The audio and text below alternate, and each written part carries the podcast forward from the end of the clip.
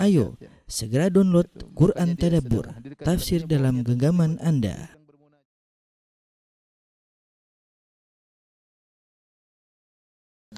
Bismillahirrahmanirrahim. Assalamualaikum warahmatullahi wabarakatuh.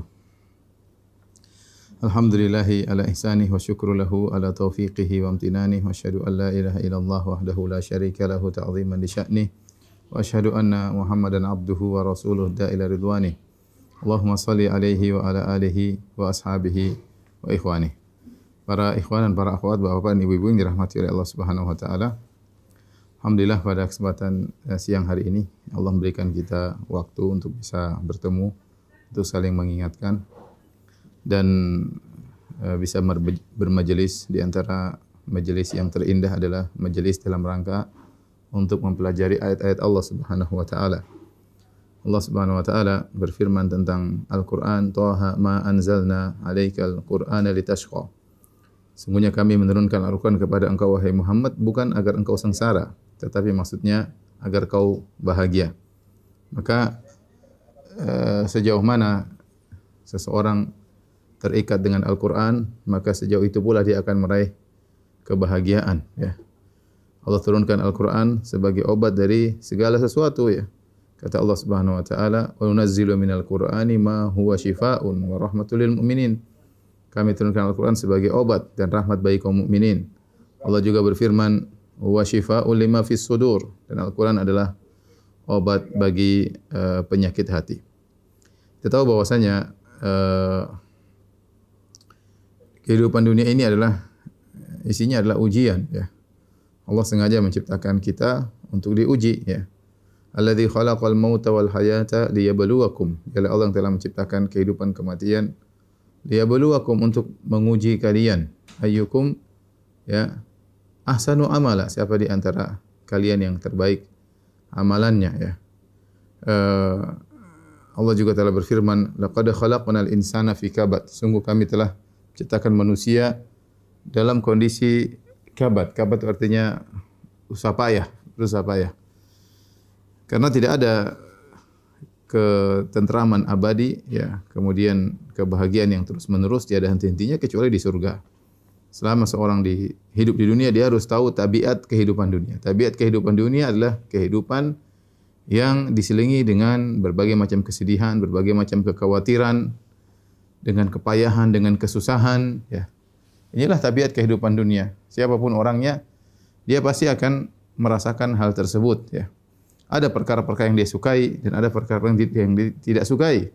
Ya, apa kata Imam Syafi'i rahimahullah taala, mihanuz zamani katsiratun la tanqadi wa sururuhu ya'tika kal a'yadi. Sungguhnya ujian-ujian kehidupan, ujian-ujian zaman datang terus-menerus tiada hentinya dan kesenangannya datang sesekali seperti hari Aid datang sesekali. Uh, dan kita sendiri menyadari ya, banyak keinginan kita tidak tercapaikan dan ada juga keinginan kita yang kita raih ada hal-hal yang kita sukai dan banyak pula hal-hal yang tidak kita sukai. Kita semua hanya diatur oleh Sang Maha Pengatur yaitu Allah Subhanahu wa taala. Oleh karenanya eh, kita sebagai seorang muslim ya harus menyiapkan diri ya untuk menghadapi perkara-perkara yang tidak kita sukai. Ya. Dan itulah keistimewaan seorang muslim, seorang mukmin. Kata Nabi sallallahu alaihi wasallam, "Ajaban li amril mu'min, inna amrahu kullahu khair." Sungguh menakjubkan perkara seorang mukmin. Sungguhnya urusannya semua baik. Walaysa dzalika illa lil mu'min. Dan ini tidak terjadi kecuali pada seorang mukmin. In asabahu sarra syakara fa kana khairan lahum. Kalau dia mendapatkan hal yang menyenangkan dirinya, maka dia bersyukur ini baik baginya. Wa in asabahu dharra sabara. Jika ditimpa dengan perkara-perkara yang dia tidak sukai, perkara-perkara penderitaan dan sebagainya, sabar maka dia bersabar, fa kana khairan lahu, maka itu yang lebih baik baginya. Ya. Karenanya pada kesempatan yang baru hari ini kita akan bahas beberapa ayat dalam Al-Quran yang maknanya sama, uh, yang menjelaskan tentang satu kaedah bahwasanya bisa jadi sesuatu kau tidak sukai ternyata itu baik bagimu. Bisa jadi sesuatu kau tidak sukai dan itu lebih baik bagimu. Dan Allah sebutkan di antaranya dalam surat Al-Baqarah ayat 216 ya kata Allah Subhanahu wa taala wa asa an takrahu syai'an wa huwa khairul lakum wa asa an tuhibbu syai'an wa huwa syarrul lakum. Bisa jadi kalian membenci membenci sesuatu ternyata lebih baik bagi kalian dan sebaliknya bisa jadi kalian menyukai sesuatu ternyata lebih buruk bagi kalian. Wallahu ya'lamu wa antum la ta'lamun. Allah lebih tahu dan kalian tidak mengetahui. Tiga ayat ini akan saya jelaskan, tolong diperhatikan dengan baik papan tulis.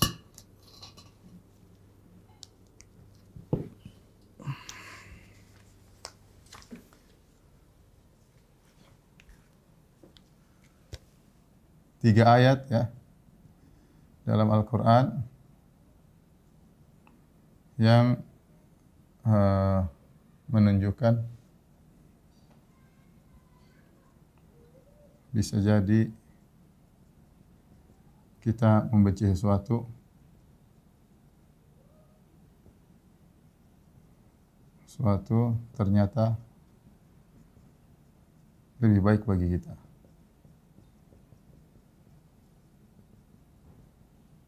Baik. Ini salah satu kaidah dalam Al-Quran yang harus kita perhatikan. Ketiga ayat tersebut, yang pertama dalam surat uh, Al-Baqarah ayat 216 ya, 216. Kata Allah Subhanahu wa taala, "Kutiba alaikumul qitalu wa huwa kurhul lakum." Wa asa an takrahu syai'an wa huwa khairul lakum wa asa an tuhibbu syai'an wa huwa syarrul lakum wallahu ya'lamu wa antum la ta'lamun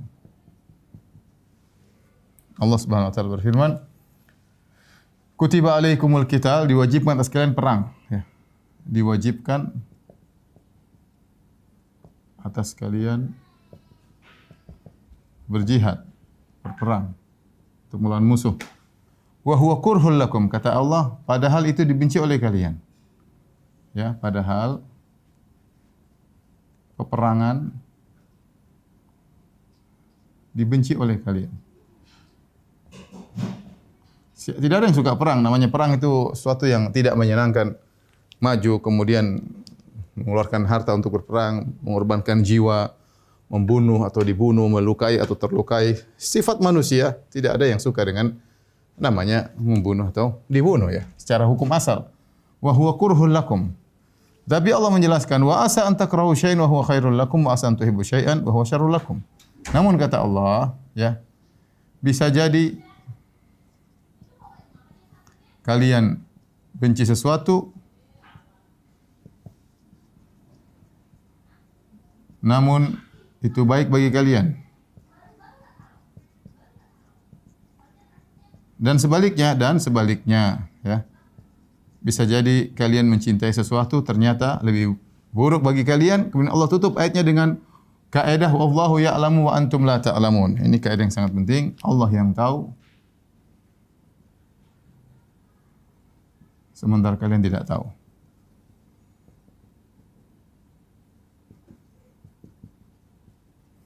Taib. Ini ayat pertama. Sebelum kita masuk pada ayat kedua. Ayat ini berbicara uh, tentang syariat. Yaitu Allah menyebutkan ketika Allah mewajibkan perang kepada para sahabat. Ya, ada ketidaksukaan dengan syariat tersebut. Kan disuruh perang. Ya, namanya perangan tidak ada yang suka. Seperti saya katakan tadi. Ini uh, berkaitan dengan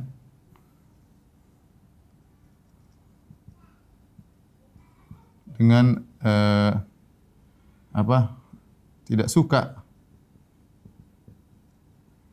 Itu tidak suka dengan uh, hukum syariat tertentu. Ya. Namun para sahabat meskipun mereka benci mereka harus lawan mereka asalnya tidak suka tapi mereka lawan akhirnya mereka pun mengorbankan jiwa raga mereka untuk berperang dan Allah sebutkan kaidah. Ingat, bisa jadi apa yang kalian benci, namun itu baik-baik kalian. Dan sebaliknya bisa jadi kalian uh, suka kepada sesuatu, namun buruk bagi kalian. Dan Allah jelaskan, Wallahu ya'lamu antum la ta'lamun. Inilah kenapa Allah jelaskan kepada kita bahwasanya kalian itu bisa jadi kalian tidak suka syariat ini. Ada sebagian orang mungkin dia tidak suka. Misalnya harus pergi ke masjid, aduh, malas dia untuk beribadah salat berjamaah, malas dia. Ya harus capek untuk umrah, untuk berhaji, punya uang harus berhaji. Mungkin ada tapi dia lawan, dia lawan. Karena memang namanya beban ibadah begitu, ada beban yang harus kita lawan. Bangun malam, siapa yang suka bangun malam? Suruh salat malam, ngantuk-ngantuk, aduh. Kemudian bangun, kemudian salat malam atau harus pergi salat subuh, lagi ngantuk. Ada ketidaksukaan, pengennya tidur, jiwa ingin kita tidur. Ya, tetapi kita lawan. Meskipun ada ketidaksukaan, bukan berarti benci dengan syariat, bukan, tapi ketidaksukaan jiwa tidak suka dengan hal tersebut karena jiwa senang ingin santai tidur mengikuti syahwatnya dan yang lainnya. Tapi Allah ingatkan, ingat bisa jadi apa yang kalian tidak suka itu adalah lebih baik bagi kalian. Dan Allah ingatkan, Allah yang tahu kalian tidak tidak tahu ya. Ini umum ya ayat ini meskipun berlaku tentang syariat tertentu, ketidaksukaan terhadap syariat tertentu, namun dia berlaku umum. Namun berlaku umum.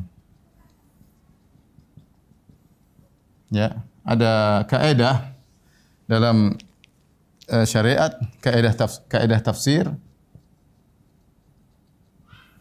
yang berbunyi al ibrah al ibratu bi umumil lafzi la bi khususis sabab. Ini sering disebutkan oleh para ahli tafsir artinya yang jadi patokan adalah keumuman lafal. Bukan kekhususan sebab kekhususan sebab. Kalau kita artikan meskipun sebabnya berkaitan dengan syariat perang yang kurang disukai oleh jiwa manusia jiwa para sahabat tetapi Allah memberikan kaidah umum wa asa an takrahu syai'an ini kaidah umum bisa jadi kalian benci sesuatu namun itu baik bagi kalian dan sebaliknya ini ayat yang pertama kita lanjutkan ayat yang kedua. Oke, yang pertama. Kemudian ayat yang kedua.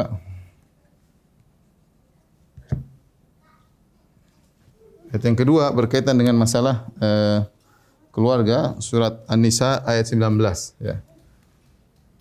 Surat Kata Allah Subhanahu wa taala wa ashiruhunna bil ma'ruf. Fa in karihtumuhunna fa asa an takrahu shay'an. Wa yaj'al Allahu fihi khairan katsira artinya pergaulilah para istri-istri kalian dengan cara yang baik. Ya. Pergaulilah, pergaulilah istri kalian dengan baik. Fa in karihtumuhunna jika kalian benci kepada mereka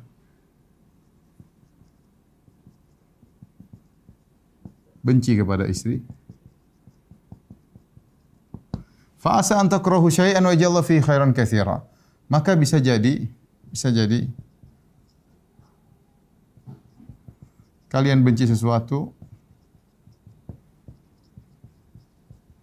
namun Allah jadikan padanya kebaikan yang banyak kebaikan yang banyak Baik. Perhatikan di sini, kalau uh, ayat sebelumnya berkaitan dengan tidak suka dengan syariat, sekarang berkaitan dengan tidak suka kepada zat tertentu, ya. Berkaitan dengan tidak suka terhadap zat ya. Zat atau benda tertentu. Dalam hal ini istri ya. Istri. Ya di sini Allah mengatakan pergaulah istri kalian dengan baik karena Allah merintahkan demikian. Fa in karihtumuhunna kalau kalian tidak suka pada istri, benci pada istri, Allah mengatakan bisa jadi kalian membenci suatu fa asa antakrahu syai'an bisa jadi kalian membenci suatu suatu di sini umum, ya. Sesuatu di sini membenci suatu, ya, sesuatu di sini umum ya. Bersifat umum. Bisa jadi benci kepada wajahnya. Bisa jadi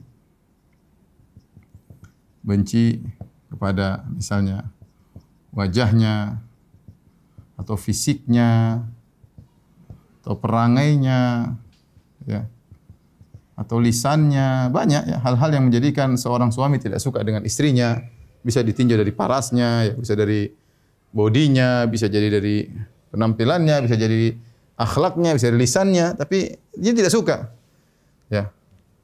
Uh, Allah menyarankan ya agar bersabar. Kemudian Allah mengatakan wa yaj'alallahu fi khairan katsira ya kalian tidak suka sesuatu tapi ternyata Allah jadikan pada keburukan tersebut banyak kebaikan di sini khairan kebaikan, di sini nakirah ya. Nakirah itu maksudnya tanwin. Dalam kaidah tafsir untuk menunjukkan keagungan, untuk menunjukkan keagungan. Maksudnya kebaikan ini kebaikan yang agung. Allah akan jadikan di balik kesabaran kalian menghadapi kekurangan istri, Allah akan berikan kebaikan yang agung yang banyak, yang kebaikan yang agung yang yang banyak ya. Oleh karenanya ini ayat juga sama kaidah yang sama bisa jadi kalian benci kepada sesuatu namun lebih baik uh, bagi kalian. Tetapi kalau yang pertama berkaitan dengan syariat tidak suka dengan hukum-hukum syariat, yang kedua berkaitan dengan sesuatu orang tidak kita suka, istri yang tidak kita sukai dan dan yang semisalnya. Dan ini juga uh, kaidahnya berlaku umum. Taib ayat yang ketiga.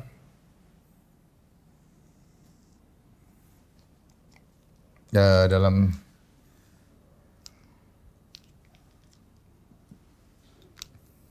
dalam surat An-Nur ya.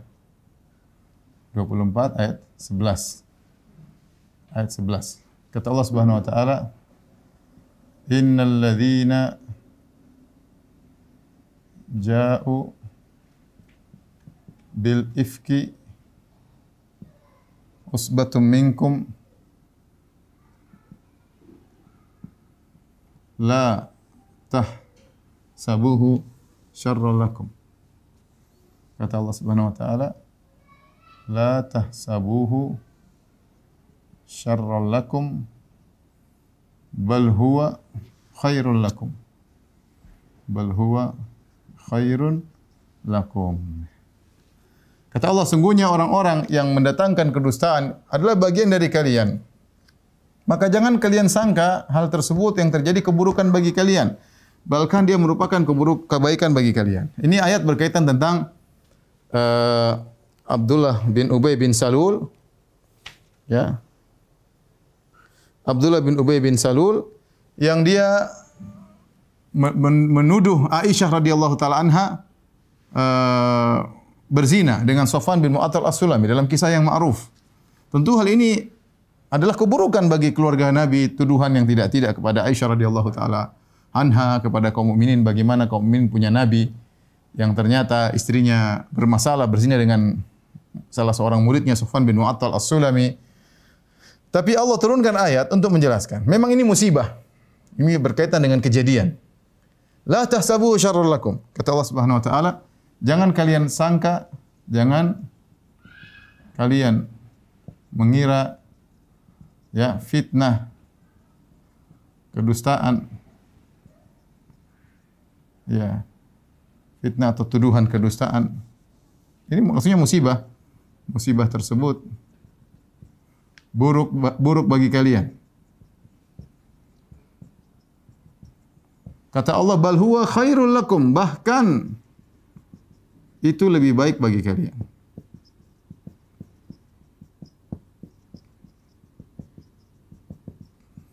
Oleh karenanya, setelah uh, Aisyah dituduh sampai sebulan lamanya Nabi tidak tahu bagaimana kondisi yang sesungguhnya.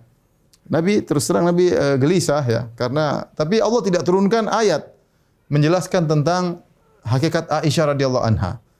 Kemudian juga tidak ada Jibril memberitahu kepada Nabi SAW. Hampir sebulan baru kemudian turun ayat surat uh, An-Nur ayat 11 dan sebelumnya dan sesudahnya ya untuk menjelaskan bahwasanya kejadian yang buruk ini jangan kalian sangka itu keburukan kata Allah. Bal huwa khairul lakum bahkan itu baik bagi kalian ya.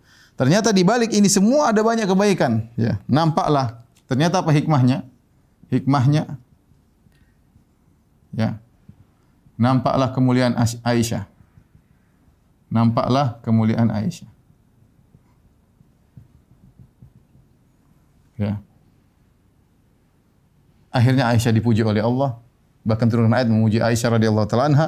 Dan ada suatu penyair berkata, ya, wa idza aradallahu nasra fadi fadilatin. Tuwiyat. Ataha laha lisan hasudin ya. Yang artinya uh, selanjutnya dia berkata juga penyair itu berkata ya laula isti'al uh, isti'al an-nar laula isti'alun nari fima jawarat ya la yu'rafu ma kana yu'rafu ma kana yu'rafu tibu arfil ud ini syair indah sekali maknanya ya. Penyanyi ini berkata, "Wa idza arada Allah nasra fadilatin." Kalau Allah menginginkan untuk menyebarkan kemuliaan tuwiyat yang tertutup, terlipat, enggak ada yang tahu. Bagaimana cara Allah? Atahalaha lisana hasudin. Maka Allah buka akan ada lisan-lisan orang yang hasad kepada pemilik kebaikan tersebut. Sebagai orang munafik yang mereka hasad kepada Aisyah, hasad kepada Nabi SAW, maka terbukalah mulut-mulut mereka untuk mencela Aisyah, menuduh Aisyah berzina dan yang lainnya. Dengan terjadinya kejadian tersebut, maka Allah buka kebaikan Aisyah. Idza aradallahu nasra fadilatin tuwiyat atahalaha lisana hasudin. Kalau Allah ingin membongkar kebaikan yang tersimpan, yang tersembunyi, Allah nampakkan lisan-lisan yang hasad kepada kebaikan tersebut. Maka nampaklah kebaikan tersebut. Kemudian juga perkat, dilanjutkan laula isti'alun nari fi jawarat maka na yu'rafu tibu arfil udi kalau bukan nyala api yang membakar yang ada di sekitarnya maka tidak akan diketahui harumnya uh, aroma kayu gaharu kayu gaharu tidak diketahui aromanya kecuali dengan ada dibakar artinya kejadian musibah fitnah ujian ini memunculkan kemuliaan-kemuliaan sebagian orang yang tersembunyi ya. Jadi ini ternyata hikmahnya nampaklah kemuliaan Aisyah radhiyallahu taala anha. Bahkan kemuliaan ini juga membongkar kemunafikan orang-orang munafik. Dengan kejadian ini juga orang-orang kaum muslimin diajari bagaimana husnudzon kepada istri-istri Nabi sallallahu alaihi wasallam. Bahkan nampak pula kemuliaan istri-istri Nabi karena ketika Allah memuji Aisyah, Allah sekalian memuji istri-istri Nabi yang yang lain ya. Ya, Allah mengatakan apa? Uh, al-khabithatu lil khabithin wal khabithuna lil khabithat wat tayyibatu lit tayyibin wat tayyibuna lit tayyibat wanita yang buruk-buruk tukang pezina buat laki-laki pezina. Laki-laki pezina buat uh, wanita-wanita yang buruk. Wanita yang baik-baik buat uh, laki yang baik-baik laki baik-baik buat wanita yang baik-baik. Sehingga Allah dengan secara tidak langsung memuji istri-istri Nabi yang lain. Jadi ini berkaitan dengan peristiwa. Berkaitan ayat ini berkaitan dengan tidak suka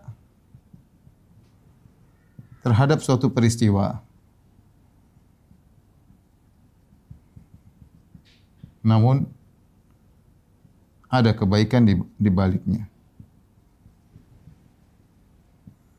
Inilah para pemirsa yang dirahmati Allah Subhanahu wa taala, tiga ayat yang hendaknya kalau kita ditimpa dengan hal yang kita tidak sukai, kita ingat tiga ayat ini. Yang pertama saya ulangi, ayat berkaitan dengan syariat ya, harus begini, harus begini. Terkadang misalnya seorang wanita dia ingin pergi aturannya pakai mahram, waduh, pakai mahram harus bayar tiket lagi. Tapi kalau punya uang, kalau tidak punya uang lain urusan. Kalau dalam kondisi darurat lain urusan. Tapi kalau ada uang, terkadang waduh, kenapa sudah kamu berangkat sendiri? Nanti ngabisin dua tiket lagi, bolak-balik lagi tiket berapa? Sudah ini bismillah meskipun ada ketidaksukaan, tapi kita jalankan, kita jalankan ya. Jadi ayat ini berkaitan dengan tidak suka dengan aturan ya, Allah berfirman kutiba alaikumul qital wa huwa kurhul lakum. Allah mewajibkan kalian berperang dan itu dibenci oleh hati kalian. Tapi bisa jadi apa yang kalian wa asa an takrahu syai'an wa huwa khairul lakum bisa jadi kalian membenci sesuatu ternyata baik bagi kalian. Wa asa an tuhibbu syai'an wa huwa syarrul lakum bisa jadi kalian suka dengan sesuatu ternyata buruk bagi kalian. Ingat wallahu ya'lamu wa antum la ta'lamun. Allah lebih tahu dan kalian tidak tidak mengetahui. Ya. Baik ayat yang kedua wa ashiruhunna bil ma'ruf tentang ketidaksukaan terhadap benda atau zat tertentu ya. Kata Allah pergaulilah istri-istri kalian dengan cara yang baik. Bisa jadi kalian benci kepada mereka, benci kepada istri sesuatu, fa asa anta krahu syai'an. Bisa jadi kalian benci sesuatu, wa Allah fi khairan katsira. Bisa jadi kalian benci sesuatu, wajahnya, fisiknya, perangainya, lisan dan yang lainnya, namun Allah jadikan di balik itu ada banyak kebaikan. Minimal seorang suami belajar menjadi seorang lelaki yang sabar menghadapi istri tersebut. Ya, kita tidak tahu banyak kebaikan. Bisa jadi dia dapat pahala setiap hari. Kenapa? Karena sabar menghadapi istrinya demikian. Kemudian juga bisa jadi dia dilatih untuk mendidik istrinya sehingga istrinya jadi bisa bahan dakwah. Dia dakwah istrinya dengan penuh kesabaran, ya. Uh, kemudian dia senantiasa dekat kepada Allah berdoa ya Allah berilah hidayah kepada istrinya. Kalau bukan karena istrinya demikian mungkin dia tidak melakukan itu semua. Ya. Mungkin melakukan itu semua ya. Semakin dekat kepada Allah. Jadi kita tidak tahu intinya intinya ada kebaikan yang Allah kehendaki ya meskipun tidak sesuai dengan tidak suka dengan benda atau zat tersebut. Yang ketiga berkaitan dengan musibah ketika orang munafik menuduh Aisyah radhiyallahu anha berzina, maka mereka menyangka itu keburukan. Allah tegur, la tahsabu syarrul lakum. Jangan kalian menyangka itu keburukan bagi kalian. Bal huwa khairul lakum, bahkan lebih baik bagi kalian. Karena dengan peristiwa tersebut Allah menampakkan ya uh, kemuliaan Aisyah radhiyallahu taala anha ya. Taib. Sini kita akan sebutkan contoh-contoh dalam Al-Qur'an maupun hadis ya. Sebentar ya, ikhwan dan akhwat, mau dihapus kemudian saya tulis kembali.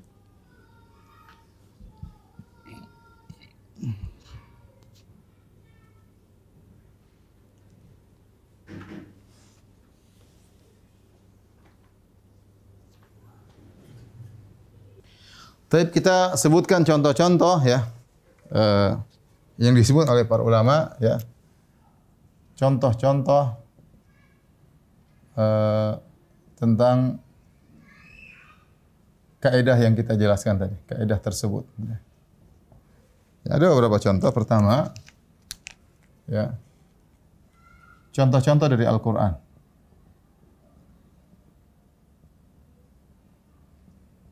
Kemudian yang kedua contoh-contoh dari sunnah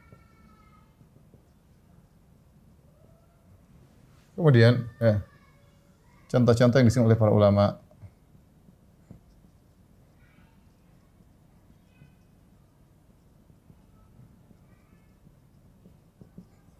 Allah Subhanahu wa taala dalam Al-Qur'an mewujudkan atau menyebutkan contoh-contoh dari kaidah yang sedang kita jelaskan wa asa antakrahu syai'an wa huwa khairul lakum. Jadi kalian benci sesuatu ternyata lebih baik bagi kalian. Di antara contoh-contoh tersebut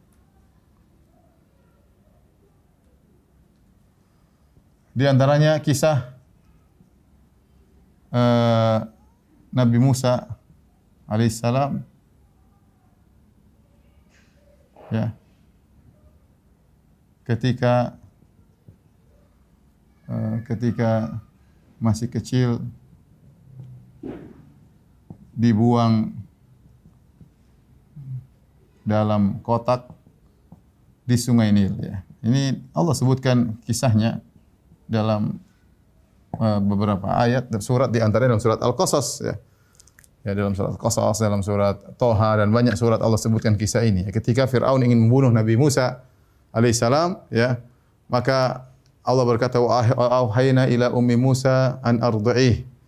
Allah bilang wahai ibu Musa ya susuilah Nabi Musa si kecil Musa alaihissalam. Setelah itu Allah mengatakan uh, apa namanya? taruhlah fit tabut ya waqtifihi fil yammi ya. Masuklah masukkanlah Nabi Musa dalam kotak kemudian lemparkanlah dalam sungai Nil. Dan ini ujian yang sangat berat bagi ibunya Nabi Musa. Ini ujian. Sangat berat bagi ibunda Musa. Bayangkan anak yang dia kandungi selama sembilan bulan harus dia lepaskan ya baru lahir baru ditetein sebentar kemudian dilepaskan di sungai Nil. Ya uh, kemudian dilepaskan. Kata Allah wala an rabbatna ala qalbiha. Ya Allah Subhanahu wa taala mengkokohkan hatinya. Kalau tidak dia sudah enggak kuat. Apalagi yang dilihat kemudian dilepas di tengah. Dia ingin selamat dari Firaun. Diletakkan anaknya dalam kotak kemudian mengalir di sungai Nil ternyata yang ngambil keluarga Firaun. Faltaqatahu alu Firaun. Maka diambillah keluarga Firaun. Ini lihat oleh kakaknya Nabi Musa. Dari kakak Nabi Musa yang perempuan lihat dari jauh. Ternyata diambil oleh oleh keluarga Firaun. Ini yang dia khawatirkan. Ingin selamat dari keluarga Firaun ternyata diambil oleh keluarga Firaun. Tetapi apa yang terjadi? Ini sesuatu yang menyedihkan yang dia tidak suka tapi harus dia lakukan. Ya. Harus dia lakukan karena ilham dari Allah Subhanahu wa taala taat kepada perintah Allah Subhanahu wa taala. Ternyata apa yang terjadi? Ternyata anak tersebut Allah menjadikan istri Firaun jatuh cinta ya. Wa alqaitu alaika mahabbatan minni kata Allah aku jadikan orang kalau lihat kamu jatuh cinta wahai Musa. Akhirnya istri Firaun jatuh cinta kepada Nabi Musa kebetulan dia juga tidak punya anak kemudian dijadikan Musa sebagai anak angkat. Musa pun eh, Firaun ingin bunuh Nabi Musa kata istrinya la la taqtuluhu asa an yanfa'ana aw natakhidahu walada. Jangan kau bunuh Musa bisa jadi manfaat bagi kita jadi anak angkat, jadi anak angkat. Apa yang terjadi? Dan Nabi Musa jadikan anak angkat. Kemudian ketika Nabi Musa si kecil uh, haus maka dia pun menangis minta disusui. Maka orang-orang disuruh nyusui enggak ada yang bisa menyusui Nabi Musa. Ternyata ibunya yang bisa nyusui. Karena ibunya yang bisa nyusui akhirnya ibunya tadi yang sedih. Kemudian disuruh kerja di istana Firaun untuk merawat anak angkatnya Firaun yaitu anak-anaknya sendiri. Bayangkan. Bedanya ibunya Nabi Musa sekarang. Dari rumah yang kecil rumah yang sempit rumah yang buruk pindah ke istana kemudian nyusui anaknya dengan penuh ketenangan kemudian digaji oleh Fir'aun. Apalagi subhanallah. Kata para ulama, dia ketakutan di, di pagi hari, belum sampai malam, Musa sudah dikembalikan oleh Allah kepada ibunya. Kata Allah, Faraja'naka ila ummika kai taqarra ainuha wa la tahzan. Kami kembalikan engkau hai Musa kepada ibumu agar dia tidak sedih. Subhanallah. Bisa jadi engkau benci kepada suatu ternyata ya baik bagi baik bagimu. Kisah berikutnya juga ya. Kisah Musa harus pergi meninggalkan meninggalkan Mesir menuju Madian. Sebagaimana Allah sebut dalam surat Al-Qasas. Hal ini tentu tidak mengenakan bagi Musa. Nabi Musa alaihissalam ini keluar dari Mesir ya dalam kondisi lapar. Dalam kondisi lapar, tidak membawa bekal. Tidak membawa bekal. Ya, membawa bekal keluar tiba-tiba karena ketahuan orang-orang uh, pengikut Firaun ingin membunuh dia, maka dia tidak sempat bawa bekal karena dia telah membunuh seorang dari pengikut Firaun, maka dia dikejar, kemudian dia kabur, tidak bawa bekal sampai di tengah jalan melewati padang pasir, kemudian makan apa daun-daunan sampai dia pun kelaparan. Ternyata apa yang terjadi setelah sampai Madian? Ternyata dia bertemu dengan lelaki yang soleh, bertemu dengan wanita yang soleha. Akhirnya dia menikah di sana dengan wanita yang soleha. Masya Allah, luar biasa. Akhirnya dia pun ketika ingin balik ke, ke, ke Mesir, ternyata Allah menjadikan dia seorang Rasul, kemudian diangkat sebagai Rasul untuk mendakwahi uh, Fir'aun. Bisa jadi kau menjadi sesuatu, ya, ternyata lebih baik bagimu. Ini semua terjadi kenapa? Nabi Musa pergi dulu. Nikah dulu. Ya. Kemudian tenang dulu. Menggembala kambing dulu. Persiapan untuk bisa mengatur kambing. Karena para ulama mengatakan kalau para, para nabi semuanya mengatur kambing agar mereka agar mereka punya keahlian untuk mengatur uh, bagaimana jumlah manusia dengan berbagai tabiat yang berbeda-beda sebagaimana kambing ya latihan dan seterusnya ya. Dan ternyata di balik keburukan tersebut ada banyak kebaikan. Contoh lagi yang Allah sebutkan. Kisah Nabi Yusuf. Ini juga sering kita cerita dalam buku dalam ceramah-ceramah kita bagaimana Nabi Yusuf alaihissalam yang dimusuhi oleh sepuluh kakak adiknya, sepuluh kakak-kakaknya, ya, ya, semuanya kemudian masukkan dalam sumur, ya, kemudian dijual jadi budak, kemudian dibeli oleh uh, bangsawan di Mesir, kemudian dituduh berzina, kemudian dipenjara, ya, saya lemparkan dalam sumur, dikeluarkan di penjara, kemudian akhirnya ternyata Allah punya cerita Allah punya skenario ternyata Nabi Yusuf alaihissalam ketika sampai di Mesir telah melalui berbagai macam ujian ternyata diangkat menjadi bendaharawan Mesir, menteri keuangan negeri Mesir. Akhirnya kakak-kakaknya yang tinggal di Badui, yang miskin-miskin, orang tuanya semuanya pindah ke negeri Mesir, tinggal di tempat yang mulia disebabkan karena Yusuf alaihissalam. Semua yang dilewati oleh Yusuf adalah hal yang tidak disukai. Siapa yang suka dimusuhi oleh kakak-kakaknya? Kita enggak suka. Dimusuhi orang Jawa aja kita enggak suka, apalagi dimusuhi oleh kakak sendiri. Tidak suka dimusuhi kakak-kakak. Siapa yang suka dilemparkan dalam sumur? Bayangkan dalam sumur tidak bisa apa-apa. Siapa yang suka kakak-kakaknya menjualnya sebagai budak? Ya, kita seorang merdeka, bebas melakukan tiba-tiba ditangkap, dikatakan ini budak kami yang kabur, beli. Bayangkan dijual jadi budak. Akhirnya harus kerja menjadi pembantu. Setelah itu masih saja dituduh ingin berzina dengan majikannya, istri majikan, akhirnya di penjara. Subhanallah, ujian demi ujian demi ujian. Ternyata bertahun-tahun di penjara, ternyata Allah punya skenario. Semua ujian-ujian tersebut ternyata ujungnya endingnya adalah happy ending.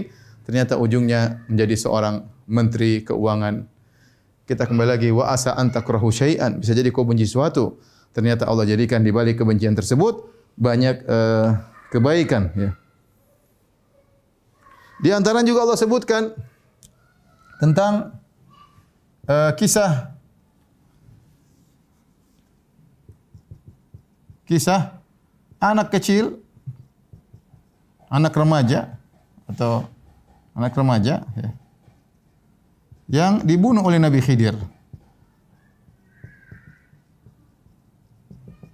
Yang Allah sebutkan dalam surat Al-Kahfi. Kata Allah Subhanahu wa taala, "Fantalaqa hatta idza laqiya gulaman faqatalah." Maka mereka pun berdua berjalan tatkala mereka sampai suatu tempat mereka bertemu dengan anak kecil sedang main-main sama anak-anak yang lain, faqatalah tiba-tiba Khadir membunuh anak tersebut. Nah ini yang tidak diterima oleh muslim bisa bertanya, ya, aqatal tanafsan bi ghairi nafsin, kau bunuh seorang tanpa ada sebab ya. Laqad ji'ta syai'an nukra, sungguh kau telah melakukan perbuatan yang mungkar wahai Nabi Khadir. Akhirnya Nabi Khadir jelaskan. Bayangkan ini ujian bagi orang tuanya ya. Terbunuhnya anak ya. Terbunuhnya anak atau wafatnya wafatnya wafatnya anak merupakan ujian besar. Ujian besar bagi kedua orang tanya.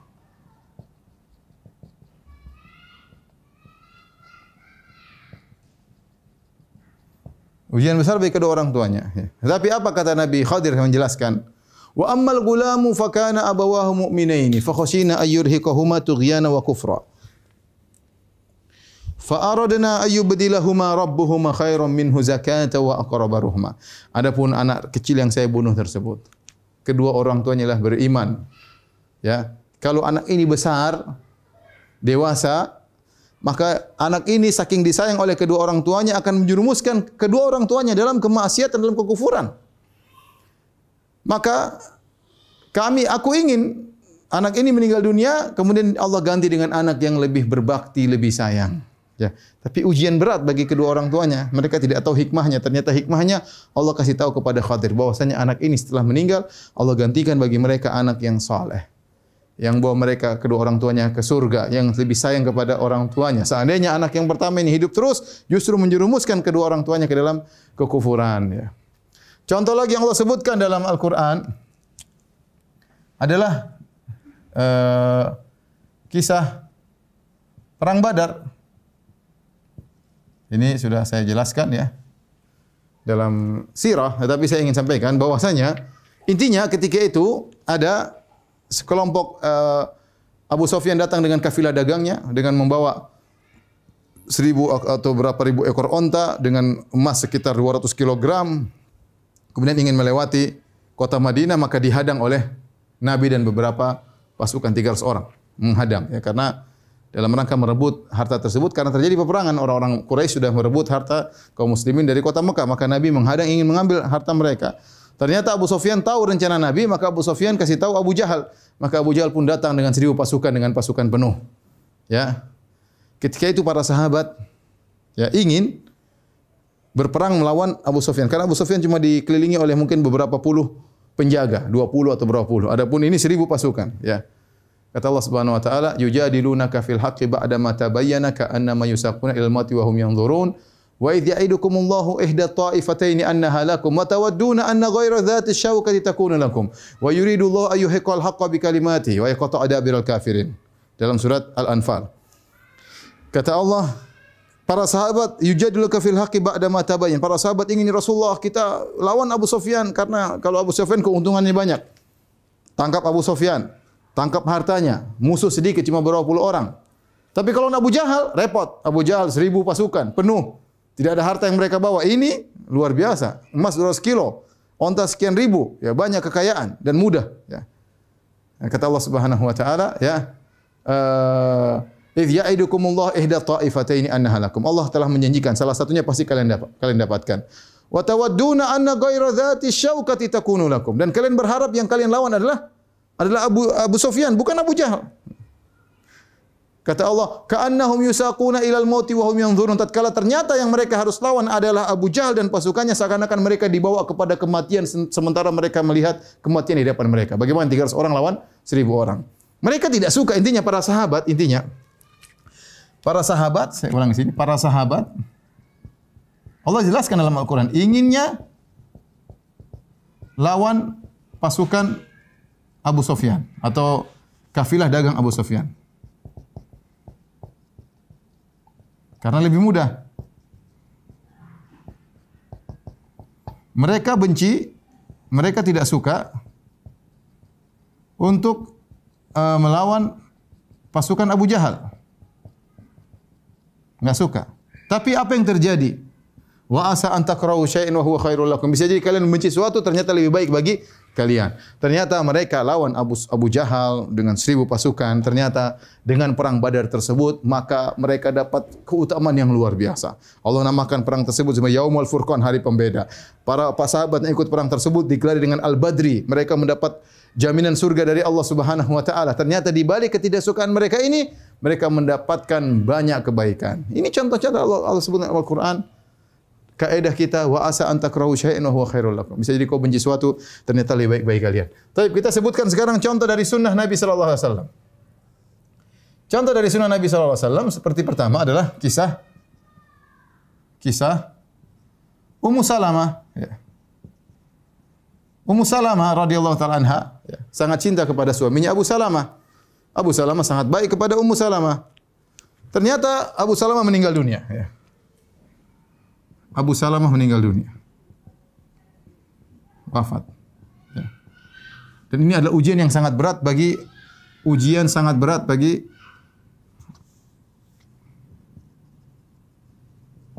berat bagi Ummu Salamah. Bagaimana kisah yang panjang ya, bagaimana dia dipisahkan oleh dari suaminya ketika berhijrah ternyata Eh, kabilahnya menahan Ummu Salamah, akhirnya suaminya pergi sendiri, kemudian tinggal sama anaknya berpisah selama setahun. Setiap hari dia keluar di pagi hari menangis sampai akhirnya ada yang kasihan sama dia, akhirnya pun pergi menyusul suaminya di Madinah bersama Abu Salamah. Subhanallah ternyata suami yang dicintai pun meninggal dunia. Ketika suaminya meninggal, Abu Salamah meninggal, maka Ummu Salamah berdoa dengan doa yang pernah dia dengar dari Abu Salamah, Abu Salamah meriwayatkan dari Nabi. Yaitu suaminya meriwayatkan dari Nabi, disampaikan kepada istrinya Ummu Salamah. Kalau kau terkena musibah, bacalah doa ini dia dapat ilmu tersebut dari suaminya. Apa doanya? Allahumma jurni fi musibati hadha wa khluf li khairan minha. Ya Allah berilah aku pahala terkena musibah ini dan berikanlah aku ganti yang lebih baik. Kata Ummu Salamah, ketika aku mengucapkan doa ini, aku sampai pada poin Allahumma ajurni fi musibati hadhi. Ya Allah berilah aku pahala dari dalam musibahku ini. Ketika dia ingin baca dan gantilah aku yang lebih baik, dia diam tidak jadi baca. Dia bilang man khairun min Abi Salamah. Siapa yang lebih baik daripada suamiku Abu Salamah? Siapa yang lebih baik dari kalangan para sahabat? Siapa yang lebih baik daripada Abu Salamah? Tapi karena ini sunnah Nabi wasallam, maka tetap dia baca doa tersebut, wa khluf li khairan minhu. Ya Allah gantilah aku yang lebih baik daripada Abu Salamah. Ternyata ya Allah ganti dengan Nabi Muhammad sallallahu alaihi wasallam. Akhirnya Nabi Muhammad sallallahu alaihi wasallam pun datang melamar Ummu Salamah. Maka Ummu Salamah ketika itu bilang, "Ya Rasulullah, aku sudah tua." Dan aku punya anak banyak ya. Dan aku pencemburu. Kau sudah punya istri-istri ya Ummu Salamah ingin tidak ingin menikah dengan Nabi enggak enak karena dia bilang saya sudah tua. Pertama. Yang kedua anaknya banyak. Anak yatim. Peninggalan Abu anaknya Abu Salamah. Yang ketiga saya pencemburu. Nanti ribut di keluarga kalau menikah dengan wanita pencemburu. Tapi Nabi SAW berkata adapun kau sudah tua aku lebih tua dari engkau wahai Ummu Salamah. Pertama. Nabi bantah satu persatu. Adapun kau punya anak banyak tenang. Anak-anakmu anak-anakku saya ngurus Adapun kau punya rasa cemburu, aku akan berdoa kepada Allah menghilangkan kecemburuan. Maka menikahlah dengan Abu Sa dengan Nabi sallallahu alaihi wasallam, maka Nabi bayangkan wa asa anta syai'an, bisa jadi kau benci sesuatu, ternyata Allah jadikan lebih baik daripada apa yang kau benci tersebut. Kisah berikutnya adalah kisah uh, Fatimah binti Qais.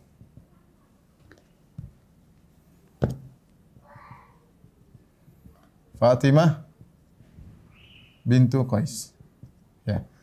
Fatimah binti Qais seorang wanita mulia uh, ketika dia cerai dari suaminya dan selesai masa iddahnya maka datang para sahabat melamarnya di antara yang melamar adalah Muawiyah bin Abi Sufyan di antaranya Abu Jaham Maka kedua datang melamar tiba-tiba kepada Fatimah. Fatimah belum serak, cuma ada lamaran. Maka dia tanya kepada Nabi, ini di antara cerdasnya Fatimah, dia musyawarah dengan Nabi. Karena Nabi tahu tentang murid-muridnya. Maka dia berkata, Ya Rasulullah, semuanya dua pemuda ini melamarku. Apa kata Nabi sebagai orang yang minta nasihat?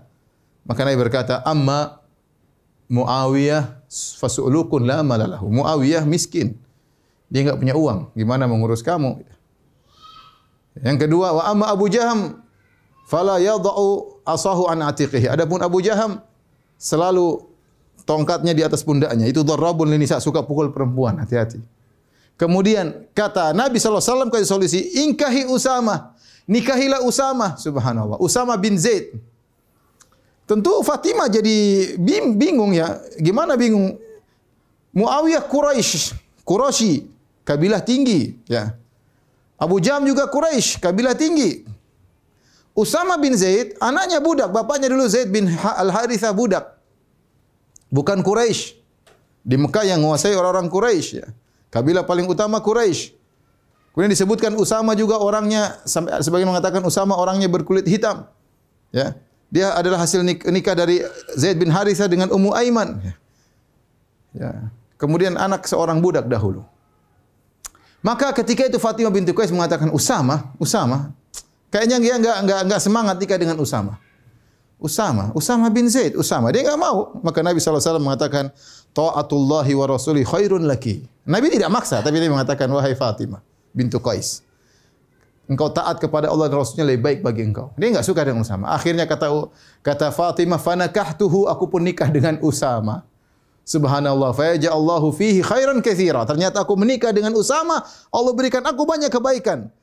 Faktubitu bihi sampai orang-orang cemburu, maksudnya Masya Allah, seakan-akan Fatimah mendapat kebaikan yang banyak dengan menikah dengan Usama. Gara-gara apa? Di asa antakrahu syai'in bisa jadi kau benci sesuatu, tapi karena taat kepada Allah dan Rasulnya, Allah jadikan lebih baik bagi bagi engkau. Baik.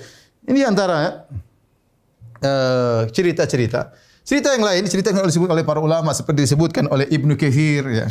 Disebut oleh Ibnu Athir, disebutkan juga oleh para ulama. Ada beberapa kisah. Ya, saya sebutkan aja. Di antaranya uh, kisah seorang prajurit Ubaidillah bin Ziyad. Jadi prajurit ini kisahnya, dia sedang naik di atas rumahnya atau sesuatu yang tinggi, kemudian dia jatuh. Sehingga kakinya retak atau dia pincang atau semisalnya. Kemudian dia didatangi oleh Abu Qilabah. Abu Qilabah, seorang tabi'in ya, uh, muridnya Anas bin Malik radhiyallahu anhu, maka dia mengatakan kepada prajurit tersebut, ya bisa jadi itu yang terbaik bagimu. Maka ketika Abu Kilawah bilang bisa jadi kau mendapat yang terbaik karena musibah kakimu luka dan yang lain mengatakan kebaikan apa? Subhanallah beberapa hari setelahnya datang perintah dari Ubaidillah bin Ziyad. Ubaidillah bin Ziyad ini siapa? Ini yang yang membunuh Hussein. Ubaidillah bin Ziyad ini adalah orang yang membunuh Hussein, yang membunuh Al Hussein bin Ali bin Abi Thalib, cucu Nabi sallallahu alaihi wasallam. Maka datang perintah dari Abu Abu bin Zaid karena dia seorang prajurit uh, panglima artinya dia disuruh berangkat untuk menghadang Al Husain di Karbala. Subhanallah karena dia kakinya pincang atau kakinya sakit maka dia tidak bisa ikut perang akhirnya dia diberi uzur. Kau tidak usah karena beri uzur cari panglima yang lain. Akhirnya Allah selamatkan dia. Ternyata setelah beberapa hari kemudian dia mendengar ternyata pasukan yang hampir dia pimpin ternyata membunuh Al Husain bin Ali bin Abi Thalib. Maka dia pun ingat perkataan Abu Kilabah dia mengatakan rahimallahu Abu Kilabah. Semoga Allah merahmati Abu Kilabah. Benar aku jatuh ini terluka ternyata benar-benar adalah kebaikan bagiku ya. Artinya Allah datangkan kebaikan dalam bentuk musibah. Allah datangkan kebaikan dalam bentuk musibah. Kalau tidak dia sehat, dia yang membunuh Al Husain. Kalau dia bunuh Husain bin Ali bin Abi Thalib radhiyallahu anhu, bagaimana nanti di akhirat ketemu dengan Nabi sallallahu alaihi wasallam sementara dia yang memimpin untuk membunuh cucunya Rasulullah sallallahu alaihi wasallam. Ini di antara kisah yang disebut oleh para ulama. Disebutkan juga oleh Ibnu Katsir ya. Uh, tentang uh, kisah seseorang ya. Dia jadi ada seorang dia sedang pergi ke Mekah kemudian dia pergi ke dekat sumur Zam-Zam intinya dia pakai dia bawa sebuah emas sebuah emas dengan berat yang sangat berat kemudian dia letakkan satu tempat uh, kemudian uh, dia pun lupa. Ternyata emasnya tersebut dia tidak bawa dan hilang. Dia sudah pergi pulang kampung, emas tersebut hilang. Setelah dua tahun atau berapa lama, sampai akhirnya dia pun jatuh miskin. Ketika dia jatuh miskin, akhirnya dia hanya punya dia belikan sebagian kaca jual beli kaca, mungkin gelas semacam itu. Ya. Dia sudah enggak punya apa-apa. Subhanallah. Suatu hari dia berjalan suatu tempat kemudian dia terjatuh kesandung ternyata kaca yang jadi modal dia untuk jual beli jatuh pecah dan dia pun menangis. Orang-orang pun datang kepada dia. Kenapa kau menangis? Subhanallah dia bilang, saya dulu pernah kehilangan emas seberat sekian-sekian kilo ya. Saya tidak menangis. Kenapa? Karena ketika itu bukan hartaku, saya saya masih punya harta. Kenapa saya menangisi kaca ini? Karena ini hartaku yang terakhir. Ini habis saya tidak punya harta lagi, saya tidak punya jualan, tidak punya saya sudah ini hartaku yang terakhir. Ketika orang ramai melihat ternyata ada seorang tanya, "Kau kehilangan emas?" Iya. Sifatnya bagaimana? Begini begini begini. Saya yang temukan emas tersebut. Akhirnya orang itu mengembalikan emas kepada kepada dia setelah beberapa tahun. Jadi Allah ingin kebaikan. Wa asa antakrobi terjatuhnya dia, pecahnya kacanya yang dia sedang jual belikan ternyata di balik itu Allah ingin mengembalikan emasnya yang pernah yang pernah hilang. Dan banyak kisah lagi misalnya disebutkan oleh uh, Syekh Ali Tantawi ya, rahimahullah taala ada seorang ya dia ingin pergi naik pesawat. Ini terjadi juga di zaman kita sekarang ini. Kemudian dia ketiduran. Ketiduran akhirnya dia berangkat ke bandara ternyata pesawat sudah terbang. Akhirnya dia sedih dan yang lain tiba-tiba ada pengumuman pesawat tersebut meledak ratusan orang meninggal dunia. Dan itu pernah dialami oleh kawan saya, kawan saya juga gitu. Dia cerita waktu kejadian ada pesawat meledak di Indonesia, dia waktu itu sudah berangkat ternyata terjebak macet. Terjebak macet, ah, terlambat dia. Pesawat sudah terbang ternyata pesawat tersebut meledak. Ya. Jadi kita enggak tahu. Bisa jadi Allah uh, mentakdirkan kita keburukan, kita menyangka di balik keburukan tersebut ternyata ada kebaikan yang Allah siapkan buat buat kita. Ya. Taib. Uh, yang terakhir.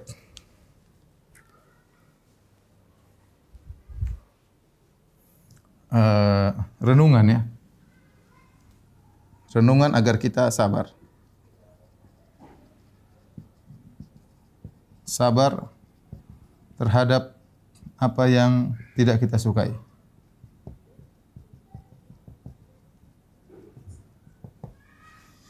Yang pertama, yakin bahwa Allah ya uh, lebih ya mengerti tentang kemaslahatan kita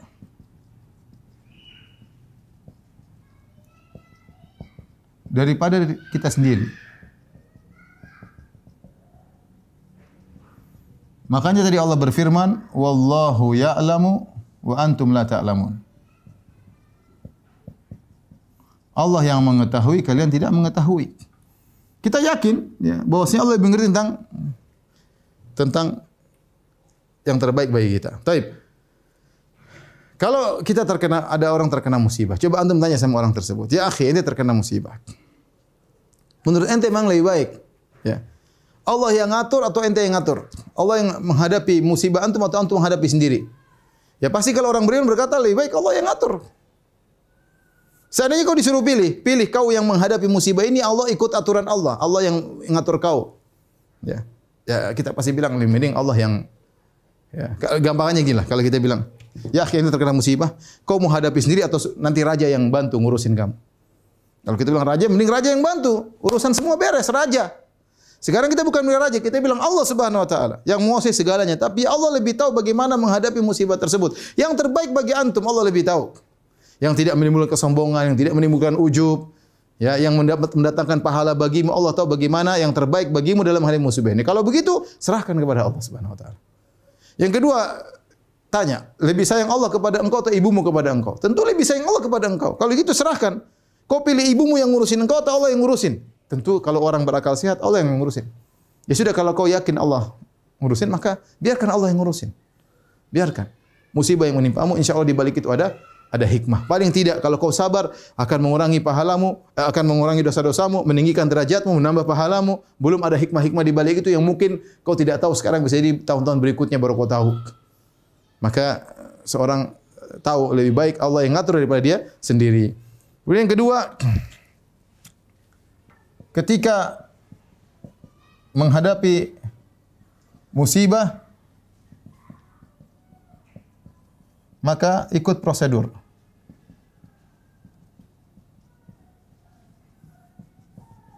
Yaitu apa? Istri Allah, yaitu takwa. Yaitu beristighfar dan bertakwa kepada Allah.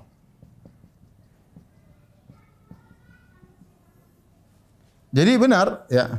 Dalam hadis kata Allah Subhanahu wa taala hadis qudsi, ana inda dhanni abdi bi.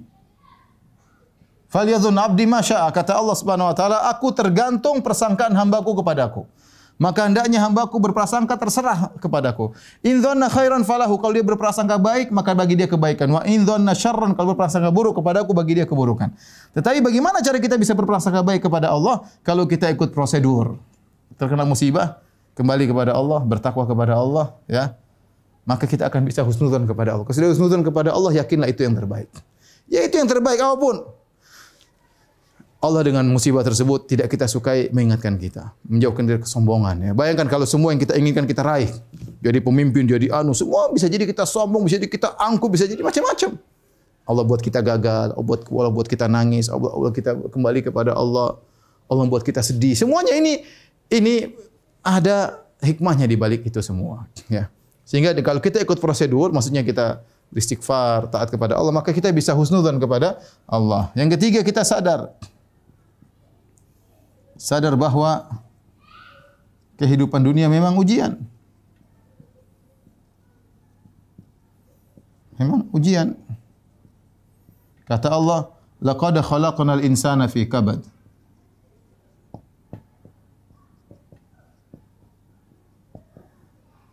Sungguh kami telah menciptakan manusia dalam kepayahan. Ya kita lahir. Jangankan lahir dalam perut istri kita, anak kita dalam perut istri kita sudah bikin payah istri. Bikin payah istri kita, bikin payah kita, dia masih dalam perut sudah bikin masalah. Bukankah demikian anak-anak? Ya. Bikin istri kita muntah-muntah, bikin istri sakit belakangnya, ada yang sampai harus opname. Sang suami harus mijit-mijit istri, sang suami harus cari nafkah, istrinya belum ngidam macam-macam. Ya begitu lahir memang ada kegembiraan, tapi ngurusin ini, harus ini, harus anu akikah lah, apalah. Ya persiapan beli-beli ini terkadang duit enggak punya, ngutang sana, ngutang sini kemudian lahir dengan kondisi menangis, menangis, kemudian merangkak di kemudian di ini apa diimunisasi menangis, panas, macam-macam. Kemudian ini anak-anak penuh dengan tangisan, tangisan sudah eh, semua dengan kepayahan. Ah, kemudian sudah besar dididik orang tuanya, terkadang nakal, terkadang ini. Belum lagi sekolah, biaya sekolah banyak, macam-macam. Kemudian mau nikah, nikah butuh biaya banyak, siapkan mahar macam-macam. Udah nikah ketemu istri, terkadang harus ngurus istri tidak gampang, ngurus anak-anak tidak gampang. Ya, terus ada kesedihan, ada kebahagiaan. Itulah kehidupan dunia penuh dengan belum kalau dia mulai tua, ya. Mulai lemah pendengaran, mulai lemah penglihatan, ya. Mulai sedikit penghasilan, ya. Terjadi musibah ini, penyakit ini, musibah pandemi lah macam-macam lah dengan uh, pernak-pernik kehidupan dunia. Nanti menjelang tua, berjalan tertatih-tatih, mulai membungkuk, sudah tidak bisa teriak-teriak lagi, ya. Sudah tidak punya anak buah. Itu kehidupan. Ya. Apalagi menjelang meninggal, sakit, parah mulai nafas terengah-engah, kemudian datang malaikat sakaratul maut, kemudian begitulah kehidupan. Oleh karenanya kalau kita sadar kehidupan ini adalah kabat, ya ujian, kepayahan, maka kita lebih mudah menghadapi apa yang ketidaksukaan yang kita hadapi. Ya bukan cuma kita, kita, kita antum sangka cuma kita saja yang menghadapi yang tidak sukai. Ya akhir raja, pangeran, presiden, gubernur, artis, aktor, semua orang terkenal, selebriti, memang mereka semua yang mereka mau mereka dapatkan? Enggak. Mereka juga menghadapi banyak hal yang mereka tidak sukai. Mereka punya ujian sendiri, kita punya ujian sendiri. Ya, masing-masing punya ujian. Yang Allah tanya bagaimana kita menghadapi ujian tersebut. Demikian para ikhwan dan akhwat yang dirahmati Allah Subhanahu wa taala. Apa yang bisa sampaikan pada kesempatan kali ini kalau ada yang bertanya saya persilahkan. Wallahu taala alam bisawab. Iya, sudah share Ustaz. Uh, uh, ada beberapa pertanyaan saya coba sampaikan. Pertanyaan pertama, uh, Assalamualaikum Ustaz. Kenapa beberapa manusia saat diuji dengan cobaan sangat berat malah semakin jauh dari agama bahkan ada yang sampai murtad karena kecewa dengan takdir di takdir karena di diuji di, di luar kesanggupannya. Padahal di surat al-baqarah ayat 286 menyatakan Allah tidak membebani uh, seseorang apa seseorang melainkan sesuai dengan kesanggupan. Uh, tadi hal itu dikarenakan dia uh, imannya kurang ya. Imannya kurang ya. Kalau dia belajar, kalau dia merenungkan, kalau dia pandai bersyukur ya. Maka pun menimpa ujian menimpa seharusnya dia bisa bersabar ya. Kalaupun dia sampai harus meninggal dunia, kalaupun dia harus sampai meninggal dunia, maka dia akan meninggal dengan membawa pahala yang sangat besar. Ya, tetapi kalau orang sudah kurang beriman dengan akhirat, ya, selalu suudzon kepada Allah Subhanahu wa taala, selalu mengikuti hawa nafsunya, maka susah dia untuk menghadapi itu semua. Kita bilang banyak bukti, kita tidak usah bicara orang, kita bicara diri kita sendirilah. Betapa banyak kita diuji ternyata di balik itu banyak banyak kita mau cerita enggak mungkin saya mau cerita tentang diri saya tentang kawan saya tapi banyak hal-hal yang kita alami tidak kita suka ternyata di balik itu banyak uh, banyak kebaikan. Oleh karenanya saya tadi sudah disebutkan banyak contoh ya. Tinggal kita tadi ikut prosedur itu masalahnya. Ini dia orang tidak ikut prosedur. Imannya sudah dari awal dia merasa dia tidak mampu, dia merasa ini, merasa ini suudzon pada Allah akhirnya dia murtad ya sebagaimana kita lihat sebagian orang-orang Ah, di musim pandemi ini orang yang menghina seperti orang-orang di Eropa menghina salib misalnya memasukkan salib dalam uh, bokongnya misalnya. Itu kejadian ya.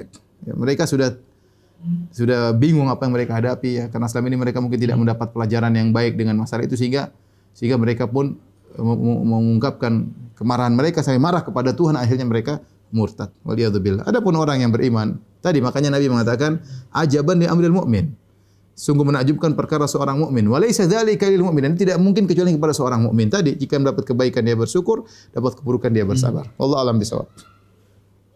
Ya, uh, pertanyaan selanjutnya bagaimana agar kita terhindar dari musibah rusaknya agama? Musibah apa yang paling berbahaya? Tentunya musibah yang paling berbahaya adalah musibah berkaitan dengan agama. Ya. Karena musibah dunia, ya. dunia datang silih berganti. Ya.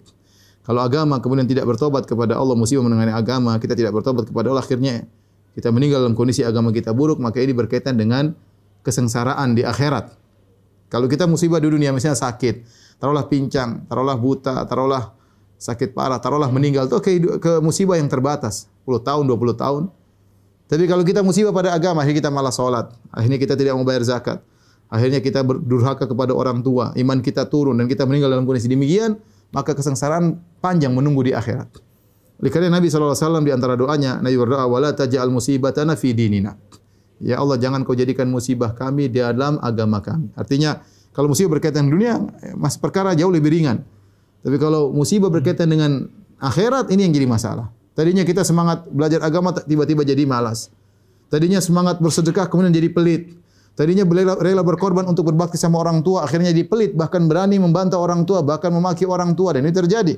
Ini musibah dalam tadinya semangat untuk sholat subuh, ya sekarang jadi malas, akhirnya sholat subuh jam 7, ya, sholat duha. Oleh karenanya, uh, musibah paling besar adalah musibah berkaitan dengan agama. Allah alam bisa. Ya, pertanyaan selanjutnya.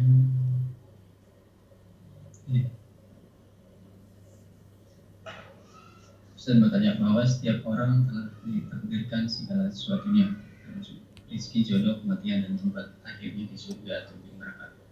Bagaimana peran doa dapat berubah takdir tersebut kalau pada akhirnya semua sudah ditakdirkan? Ya. Sama, sama gampangannya. Bagaimana peran kerja untuk mendapatkan rezeki? Jawabannya mudah. Antum rezeki sudah ditakdirkan. Mendapat rezeki kerja, ya sama. Di antara sebab untuk mendapatkan rizki sebab mendapat kebahagiaan doa ya lakukanlah sebab tersebut ya itulah perannya perannya seorang dimudahkan kepada takdirnya dengan sebab-sebab yang dia lakukan ya dengan sebab-sebab tersebut yang dilakukan maka sebagaimana seorang kalau mau makan kita kenyang lapar sudah ditakdirkan tapi kalau kita mau kenyang ya makan ya, ya berarti takdirnya kita kalau kita enggak makan berarti takdirnya kita lapar ya maka mau ngambil nasi untuk kita makan di mulut kita itu di antara sebab untuk mendapatkan kekenyangan. Demikian juga di antara sebab untuk meraih kebaikan dengan banyak banyak doa, banyak doa. Wallahu alam bisawab.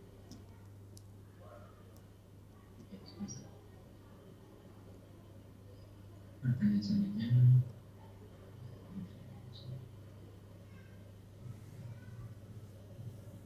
Ini ada salah seorang pengurus masjid, Ustaz saya pengurus masjid, setiap hari agar ada kajian diisi secara full oleh artis. Saya tidak setuju dengan alasan mereka karena belum capable dalam ilmu apa agama apalagi secara full. Namun beberapa orang berpendapat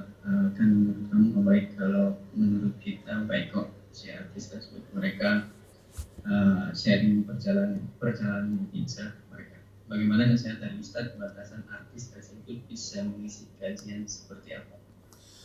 Eh, pertama kita tahu menuntut ilmu agama beda dengan sharing eh, kisah hijrah. Ya. Kalau sharing kisah hijrah boleh-boleh saja ya, artis atau penjahat kemudian taubat. Tapi kalau bicara agama eh, artis nggak boleh. Nggak boleh kita karena itu namanya kita berkhianat kepada masyarakat. Kita tampilkan artis suruh ngomong masalah, masalah agama nggak benar ya. Kita eh, anak TK kita suruh ceramah yang nggak benar ya. Tapi kalau dia cerita motivasi saya dulu begini kemudian eh, saya bertobat kepada Allah itu boleh boleh. Sebatas itu saja tidak lebih daripada itu. Ya, karena kenyataan ada sebagian orang yang mungkin dulu uh, tukang pelaku maksiat kemudian bertobat kemudian uh, ceramah ini tidak tidak pas ya, tidak pas. Tapi kalau sesekali untuk memotivasi uh, hanya sekedar menyampaikan sharing tentang kisahnya agar memberi semangat kepada yang lainnya, uh, jangan sampai kita memposisikan dia sebagai uh, ustaz, maka sesekali tidak mengapa. Adapun menjadi rutinitas, namanya orang sharing cerita yang paling sekali sudah cukup. Mau cerita kehidupan dia 50 hmm. tahun cuma 15 menit, 20 menit, 30 menit sudah selesai. Terus pertemuan kedua mau bicara apa? Pertemuan kedua, pertemuan ketiga mau bicara apa? Karena kita ini kalau kita jadi uh, panitia pengajian, kita dapat amanah ya. Kita menghadirkan kepada masyarakat apa yang terbaik bagi mereka.